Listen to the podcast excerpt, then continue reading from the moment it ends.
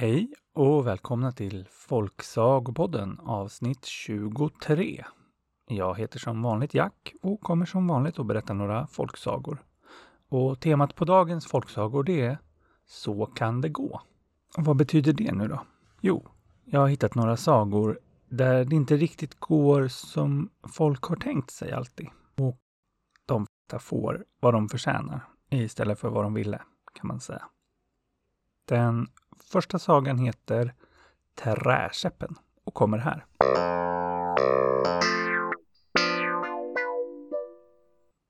Det var en gång en fattig gubbe som bodde i en stuga i skogen. Han hade inte mycket, men han hade tre skatter. Han hade en sil, en skopa och en käpp. Och det kanske inte låter som några stora skatter, men för gubben var det det finaste han kunde tänka sig och han var mycket glad att han hade dem. En dag blev han bjuden på kalas hos en schaman som bodde en bit bort. Och en schaman, det är en slags medicinman eller vad man ska säga. Och gubben tackade ja och så begav han sig dit. Och han bestämde sig för att ta med sig sin sil. För det var en bit att gå. Och då var silen bra att ha. För det var nämligen ingen vanlig sil, utan den var magisk. Om man la i något, ja lite sand eller lite vatten eller vad som helst, så kom det på andra sidan ut som de godaste maträtter man kunde tänka sig. Så därför var gubben aldrig hungrig, fastän han var fattig. Så på vägen medan han gick passade han på att stoppa lite grus i silen så han fick sig en liten matbit på vägen. Sen kom han fram och hängde sin sil utanför schamanens stuga. Sen gick han in och kalasade. Det var ett fint och trevligt kalas och det bjöds på mycket att dricka. Och på den här tiden så drack man mycket sprit. Så till slut så blev gubben ganska trött. För det kan man bli om man dricker för mycket sprit. Så han slumrade till. Och då passade schamanen på, för han var lite lurig, och se vad det var gubben hade med sig. Han fick syn på silen och tyckte att det där var väl inget speciellt.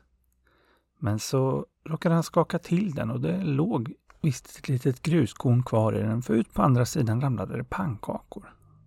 Då blev schamanen fascinerad och provade att lägga in något annat i den och det ramlade ut fler pannkakor. Och det var ju precis vad han var sugen på. Vilken fantastisk grej. Den där måste han ha. Så han tog och gömde silen. Och sen väckte han gubben och sa att det var dags att gå hem. Gubben gick ut för att hämta sin sil, men den hade försvunnit. Ja, det var konstigt tyckte han. Men så gick han hem ändå. Och kort därefter så blev han återigen bjuden på kalas hemma hos schamanen.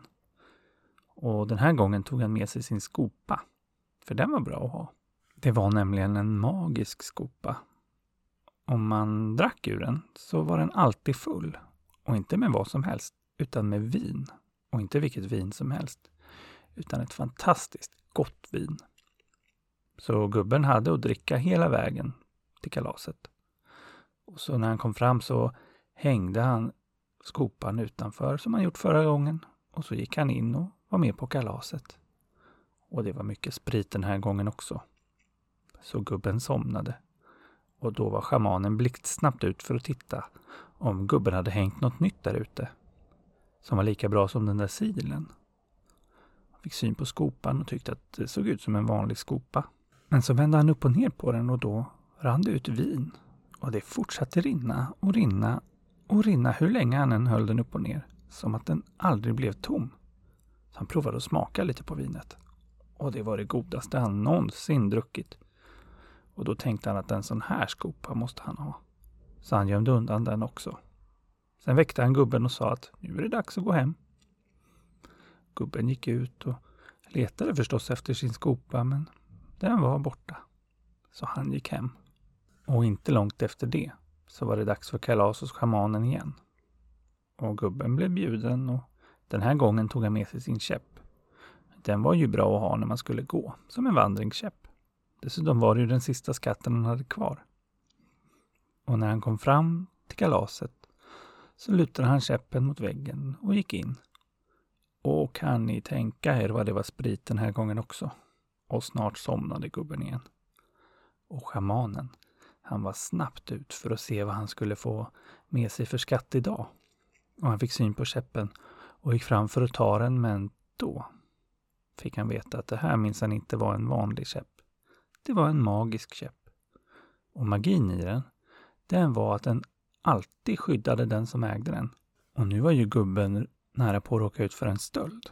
Och då vaknade käppen och började genast slå och slå och slå på schamanen. Och schamanen skrek så högt att gubben vaknade och kom ut för att se vad som hände. Och där fick han se schamanen få ordentligt med spö av käppen. Schamanen skrek Få den att sluta, få den att sluta! Men gubben tänkte inte stoppa den riktigt än, utan han sa att Ja, jag tror att den kanske vet att du har tagit något från mig. Schamanen försökte först neka. Nej, aj, aj, aj, aj, aj, ja, jag har tagit skopan.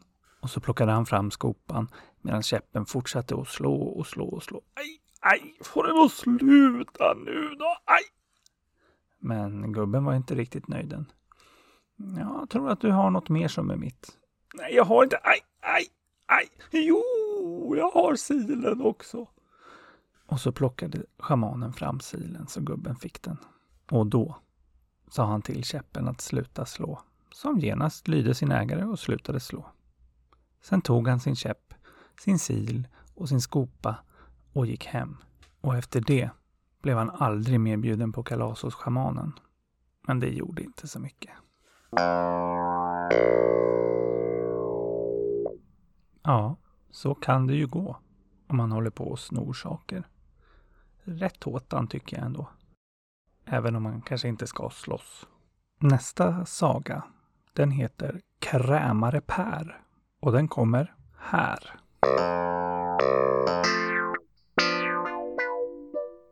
Det var en gång en rik bonde som hette Per. Men han hade inte blivit rik på att vara bonde utan han hade blivit rik på att åka runt och sälja saker. Och det kallades förr i tiden för att vara en krämare. Så därför kallade alla honom för Krämare Per. Och Krämare Per, han var en sån där typ av rik person som trodde att rika var bättre än alla andra människor. Och därför tyckte han inte att någon dög för honom och hans familj. Och det hade blivit ett problem för hans dotter hon var nämligen stor nog för att bli gift. Men ingen av friarna dög för krämare Per. De var författare fattiga eller för ofina eller för obildade eller ja, alltid hittade han något fel på friarna. Så det blev aldrig något frieri. Men ändå undrade han varför hans dotter aldrig blev gift. Och till slut så bestämde han sig för att ge sig iväg och fråga stjärnskådarna om vem hans dotter skulle få. Stjärnskådarna, de kunde nämligen läsa i stjärnorna och se vad som skulle hända. Så han begav sig iväg och kom dit. Så frågade han vem dottern skulle gifta sig med. Och då sa stjärnskådarna att de inte visste. Men eftersom krämare Per var rik så sa han Titta ordentligt ni så ser ni nog, så får ni lite mer pengar. Och de tittade men de såg fortfarande inte. Så krämare Per tog fram ännu mera pengar och sa Nu ser ni nog.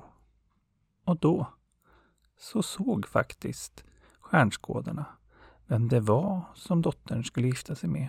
Och de berättade att det var sonen till den fattiga mjölnaren som bodde alldeles bredvid krämare Per. Men det trodde krämare Per inte på. Skulle hans dotter gifta sig med en mjölnarson och en fattig mjölnare dessutom? Nej du, det kom inte på fråga. De har sett fel. De får titta om och så erbjöd han dem ännu mera pengar.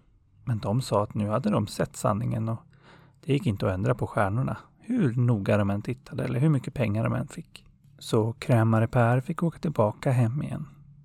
Men han gav sig inte så lätt utan dagen efter så begav han sig till den fattiga mjölnaren och knackade på för att träffa den här lille sonen och se vad han kunde göra åt det här. Det var mjölnarens fru som öppnade hon blev förstås förskräckt över att få så fint besök. Hon släppte snällt in krämare Per och bjöd honom på kaffe. Och han tackade förstås nej. För han trodde att eh, fattiga människors kaffe var sämre än rikare människors kaffe. Och bad istället att få träffa deras son. Det tyckte mjölnarens fru var konstigt, men hon gick och hämtade sonen. Då fick krämare Per se att det var ju bara en liten bebis. Skulle hans dotter gifta sig med en bebis? Hon var ju nästan vuxen. Så han frågade om de hade någon annan son, en äldre son. Men mjölnarfrun sa att de hade bara en enda son. Och stjärnskådarna hade varit väldigt tydliga med att det var just den här mjölnarens son. Och eftersom krämare Per var rik så hade han en lösning på alla sina problem och sa därför att han ville köpa sonen. Men mjölnarens fru vägrade förstås. Hon ville inte sälja sin lille son. Men krämare Per han höjde och höjde priset. Och mjölnarens fru fortsatte att säga nej och nej och nej. Men så kom mjölnaren hem. Och då krämade krämare Per i med ett så högt pris att mjölnaren inte skulle vara en fattig mjölnare längre utan en rik mjölnare. Ja, han skulle kunna köpa sig en gård och leva gott resten av livet. Och då tackade mjölnaren ja. Fastän mjölnarens fru protesterade och grät. Så krämare Per gick hem med den lilla bebisen. Och väl hemma så snickrade han ihop en liten träkista som han la bebisen i. Sen gick han ut och slängde kistan i älven och den flöt iväg. Och då var krämare Per nöjd. För nu fanns det ingen liten mjölnarson längre så nu kunde hans dotter få gifta sig med någon annan, någon bättre. Så gick han nöjd och la sig. Men som tur är så sjönk inte kistan så som krämare Per hade tänkt sig. Utan den flöt vidare och flöt i land åt en sågverksmästare och hans fru som öppnade kistan och hittade den lilla pojken. De var båda ganska gamla och hade inga egna barn, så de tyckte att det var riktigt bra att det kom en pojke flytande, för de behövde någon som kunde ärva hela sågverket efter dem. Så de uppfostrade den lille pojken och han växte och åren gick och krämare Pers dotter fick fortfarande ingen friare. Och nu började hon bli lite väl gammal för att kunna gifta sig och Krämare Per förstod inte vad som var fel, hon som kom från en så fin och rik familj. Ja, det var ju fortfarande han som sa nej till alla som kom och friade. För det kom faktiskt fortfarande några, fast de allra flesta visste att det inte var någon idé. Och förresten inte ville gifta sig och få den där hemska krämare Per som svärfar. Men en dag bestämde sig krämare Per för att återigen bege sig till stjärnskådarna. Och när han kom dit frågade han igen vem hans dotter skulle gifta sig med. Och de sa att det är ju mjölnarens son, det har vi ju sagt. Men han sa att det är omöjligt för, för han är död. Men stjärnskådarna de hade redan sett allt som hänt och skulle hända i stjärnorna och sa att pojken som du slängde ner i älven, han dog inte. Han har flyttat till land och växt upp hos sågmästaren. Ja, han är en ganska stor yngling nu. Och att få reda på det här, kostade krämare Per mycket pengar. Men nu visste han i alla fall vad som stod i vägen för att hans dotter skulle gifta sig. Så han begav sig genast till sågverksmästaren och knackade på och bad om att få köpa deras son. Eller ja, adopterade son. De ville förstås inte sälja honom. Det var ju han som skulle ärva sågverket och han var en duktig och fin pojke och de tyckte mycket om honom. Men krämare Per han drog till med ett högt pris. Så de skulle kunna köpa sig en gård och slå sig till ro och slippa bry sig om sågverk och vem som skulle ta över. Och då sa sågverksmästaren ja. Och pojken fick följa med honom. Men nu var det så att krämare Per skulle iväg till en annan stad för ett ärende. Så han bestämde sig för att skicka hem pojken och låta hans fru ta hand om honom. Så han skrev ett brev där det stod Kära fru. Den här pojken som ger dig brevet ska du genast ta och bränna på bål. Vänliga hälsningar. Din man Per. Sen berättade han för pojken hur han skulle ta sig hem till honom. Så begav han sig åt andra hållet. Och pojken begav sig. Ja, krämare Per hade förstås sagt att han inte fick titta i brevet, fastän han kunde läsa. Och pojken han var snäll och lydig så det gjorde han inte. Men när han hade gått en lång stund så började han bli trött och han la sig för att vila under ett träd. Och då kom ett gäng rövare förbi. Ja, de såg att pojken låg där och sov och tänkte att de skulle råna honom. Men så såg de att han hade ett brev instoppat i hatten. De tog fram det och läste det. Förstod genast att det var den där hemska krämare Per som hade skickat pojken. Hur hemsk kan man vara när man vill bränna en pojke på bål och dessutom tvinga sin fru att göra det? Nej, rövarna de ville spela krämare Per ett spratt. Så de skrev ett nytt brev. Där det stod Hej kära fru. Den här pojken ska gifta sig med vår dotter. De ska genast få flytta in i stora huset och du och jag flyttar ut till lillstugan. Ge dem alla pengar de behöver. Och vänta inte med bröllopet. Se till att de gifter sig redan imorgon.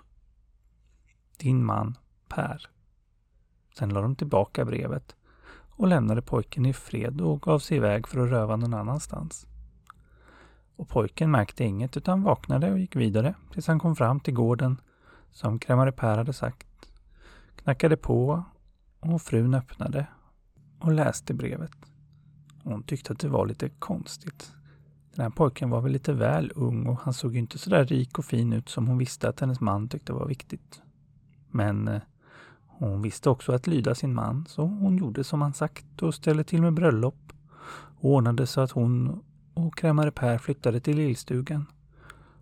Och pojken och dottern fick det stora huset. Och några dagar senare kom krämare Per hem och han var glad och nöjd för nu var den där mjölnarpojken ur världen. Och den första han träffade när han kom hem var sin fru. Och han frågade om hon hade gjort som han hade sagt. Och hon sa ja då. Ska vi gå in i vår stuga och äta nu? Och det tyckte han lät bra för han var hungrig. Men han blev förvånad när frun började gå mot lillstugan. Så han frågade vad gör du? Hon sa går hem till oss. Ja, och då uppdagades det ju vad som hade hänt. Och krämare Per blev förstås förskräckt. Var hans dotter bortgift med en fattig liten sågverksunge? Nej, så här kunde det inte vara. Men ett giftermål är ett giftermål. Så han var tvungen att komma på ett sätt att bli av med den där mannen. Och den kvällen fick han idén. Så han sa till sin nya svärson att eh, han skulle få ett uppdrag som skulle bevisa vilken duktig man han var och att han dög. Att han dög som svärson. Han skulle bege sig och hämta tre fjäll från draken av Djupanfärds svans. Och draken av Djupanfärd, det var en hemsk stor drake som bodde långt, långt bort. Och krämare Per, han visste mycket väl att ingen som begett sig dit någonsin kommit tillbaka levande. Men pojken visste inte det, så han begav sig glatt iväg för att bevisa för sin nya fru och svärfar att han dög. Och han reste länge och första kvällen kom han fram till ett slott där han knackade på för att få sova. Han blev insläppt och kungen där sa att han gärna fick sova där och undrade var han var på väg. Och pojken berättade att han var på väg till draken av djupan färd för att ta tre fjäll från hans svans. Kungen sa att det var galenskap. Ingen som begett sig dit hade någonsin kommit därifrån levande. Nej, vänd om. Men pojken han hade ju sitt uppdrag och ville inte vända om utan sa att han minsann tänkte ge sig iväg dit i alla fall.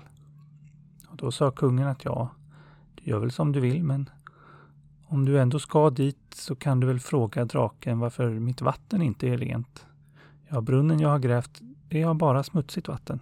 Draken vet säkert. Det lovade pojken att fråga. Dagen efter begav han sig iväg och reste en hel dag till. Tills han kom till ett nytt slott där han knackade på och frågade om han fick sova. Och det fick han. Och kungen där frågade vart han var på väg och han sa igen att han var på väg till draken av djupanfärd. Men då sa kungen att det var galenskap. Ingen har kommit därifrån levande. Vänd genast om. Men pojken var envis. Kungen kunde inte göra, så han sa, ja, åk dit då. Men när du väl är där kan du väl fråga draken vart min dotter har blivit av. Prinsessan har försvunnit för länge sedan och jag vet inte var hon är. Men draken kanske vet. Och pojken lovade att fråga. Sen begav han sig iväg. Och tredje kvällen kom han till ännu ett slott där han knackade på. Och där öppnade en drottning och lät honom sova där. Och hon undrade ju förstås var han var på väg. Och han sa att han skulle till draken av djupan färd. Men hon sa att ingen kommer därifrån levande. Vänd om genast, du är galen. Men pojken lyssnade förstås inte nu heller. Och till slut så gav drottningen sig och sa att ja, ja, men då kan du väl fråga honom vart mina guldnycklar är som jag har tappat bort. Han vet säkert. Och det lovade pojken att göra. Och dagen efter begav han sig. Och framåt kvällen så hade han kommit fram till slottet där draken av djupanfärd bodde. Det var ett stort och skrämmande slott med en stor vallgrav runt. Ja, och hur skulle pojken nu ta sig över där? Så fick han syn på en liten båt och en man nere vid stranden. Så han gick dit och frågade om han kunde få lift över. Och mannen berättade att det kunde han få. Han var nämligen färgkaren där, som i all evighet hade slussat folk över till draken, men aldrig någonsin slussat någon tillbaka. Så han varnade pojken och sa att du borde nog inte bege dig dit egentligen. Men pojken var envis och till slut gav färgkaren med sig och började ro över honom. Så klev han av och gick upp till slottet och knackade på. Och som tur var, för honom alltså, så var inte draken hemma just nu. Så istället öppnade en prinsessa. Pojken förklarade att han var där för att hämta tre fjäll från drakens svans. Och då föll prinsessan i gråt och sa att du kommer aldrig härifrån levande. Bege dig iväg.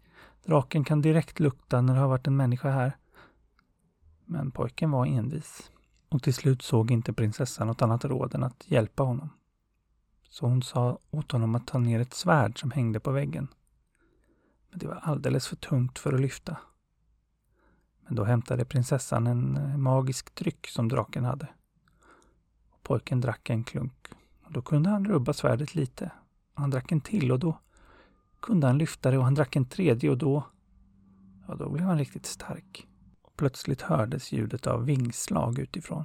Och prinsessan blev livrädd och sa du måste gömma dig under sängen genast. Och så fort draken snarkar, då hoppar du upp och hugger huvudet av honom. Förstår du det?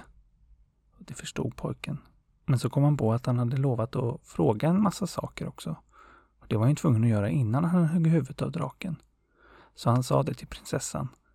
Men hon sa att det hinner vi inte med, han är här snart, du måste gömma dig. Men pojken han var envis och flickan sa ja, ja, jag ordnar det, bara du gömmer dig. Då rullade pojken in under sängen och bara ögonblicket efter så var draken där. Och det första han gjorde var att sniffa. Det luktar människa, sa han. Men prinsessan var snabbtänkt och sa Ja, det var en eh, korp här förut som hade ett ben i munnen. Det var säkert ett människoben. Det är nog därför det luktar bara. Tänk inte på det, nu äter vi. Så ställde hon fram mat. Och så åt de. Sen skulle draken gå och lägga sig. Så han gick och la sig. Och han hade just hunnit börja snarka när prinsessan väckte honom och sa Åh, jag, jag drömde en sån hemsk mardröm, draken. Vakna, vakna. Och draken han vaknade och var sur och sa Vad väcker du mig för? Vad har du drömt då? Hon sa att hon hade drömt om en kung som hade en smutsig källa och att hon hade blivit så orolig för det var hennes uppdrag att göra så att källan blev ren. Då sa draken. Bara säg till honom att gräva fram den mörkna stocken som ligger i botten av källan. Det var väl inget svårt. Och så somnade han om. Men knappt hade han hunnit börja snarka förrän prinsessan väckte honom igen och sa Åh draken, jag drömde en mardröm, det var så hemskt. Oh, vad skulle du nu lösa för problem? Frågade draken. Det var en, en kung som hade tappat bort sin dotter, en prinsessa, och det var mitt uppdrag att hitta henne. Oh, sa draken. Det är ju du som är prinsessan, fattar du väl? Och så somnade han om. Men knappt hade han hunnit börja snarka förrän prinsessan väckte honom en tredje gång. Och nu var han riktigt arg så att det började ryka ur näsborrarna på honom. Vad är det nu då? Och prinsessan såg lite rädd ut men hon sa ändå att ja, jag drömde igen och den här gången var det en drottning som tappat bort sina guldnycklar. De ligger i buskarna. Hallonbuskarna. Och så somnade han om. Knappt hade han börjat snarka förrän hon återigen väckte honom och sa Ja, nu drömde jag om han färgkaren där nere som kör båten. Han undrar hur han skulle kunna få sluta göra det. Det är ju bara att knuffa någon i vattnet och säga åt honom att det är hans tur. Då är han fri och så måste den andra fortsätta i all evighet tills han knuffar någon i vattnet. Tyst nu! Och så somnar han om. Men då drog prinsessan fram pojken som snabbt högg huvudet av honom. Sen drog han tre fjäll från hans svans. Tog med sig allt guld och silver han kunde hitta och prinsessan begav sig ner till färgkarn som förstås blev väldigt förvånad av att se honom och väldigt glad att höra hur han skulle komma undan. Och sen reste de tillbaka och hjälpte drottningen att hitta sina nycklar. Prinsessan fick flytta hem igen och kungen med brunnen fick lära sig att det låg en mörken trästock i botten på brunnen. Och så kom han tillbaka. Men nu var han ju riktigt rik, för han hade inte bara drakens guld och silver, utan han hade också fått belöningar av drottningen och de två kungarna. Och krämare Per, han kunde inte annat än bli nöjd, så han accepterade sin nya svärson. Men han undrade förstås hur det gått till. Och svärsonen berättade. Och när krämare Per fick höra det fanns guld och silver där hos draken ville han genast åka dit och hämta det. Ja, för pojken hade inte fått med sig allt guld och silver. Så pojken berättade hur man kom dit och så gav sig krämare Per iväg. Och han reste förbi de tre slotten och kom fram till färgkarn och bad honom ta honom över. Men då knuffade färgkarn honom i sjön. Och sedan den dagen så är det krämare Per som kör färjan. Och det kommer han få göra. I all evighet. Ja, så kan det gå. Och det var allt för dagens avsnitt. Tack till Elin, Anna, Viktor och MC Snack. Jag hörs om en vecka tills dess, lev lyckliga i alla era dagar. Música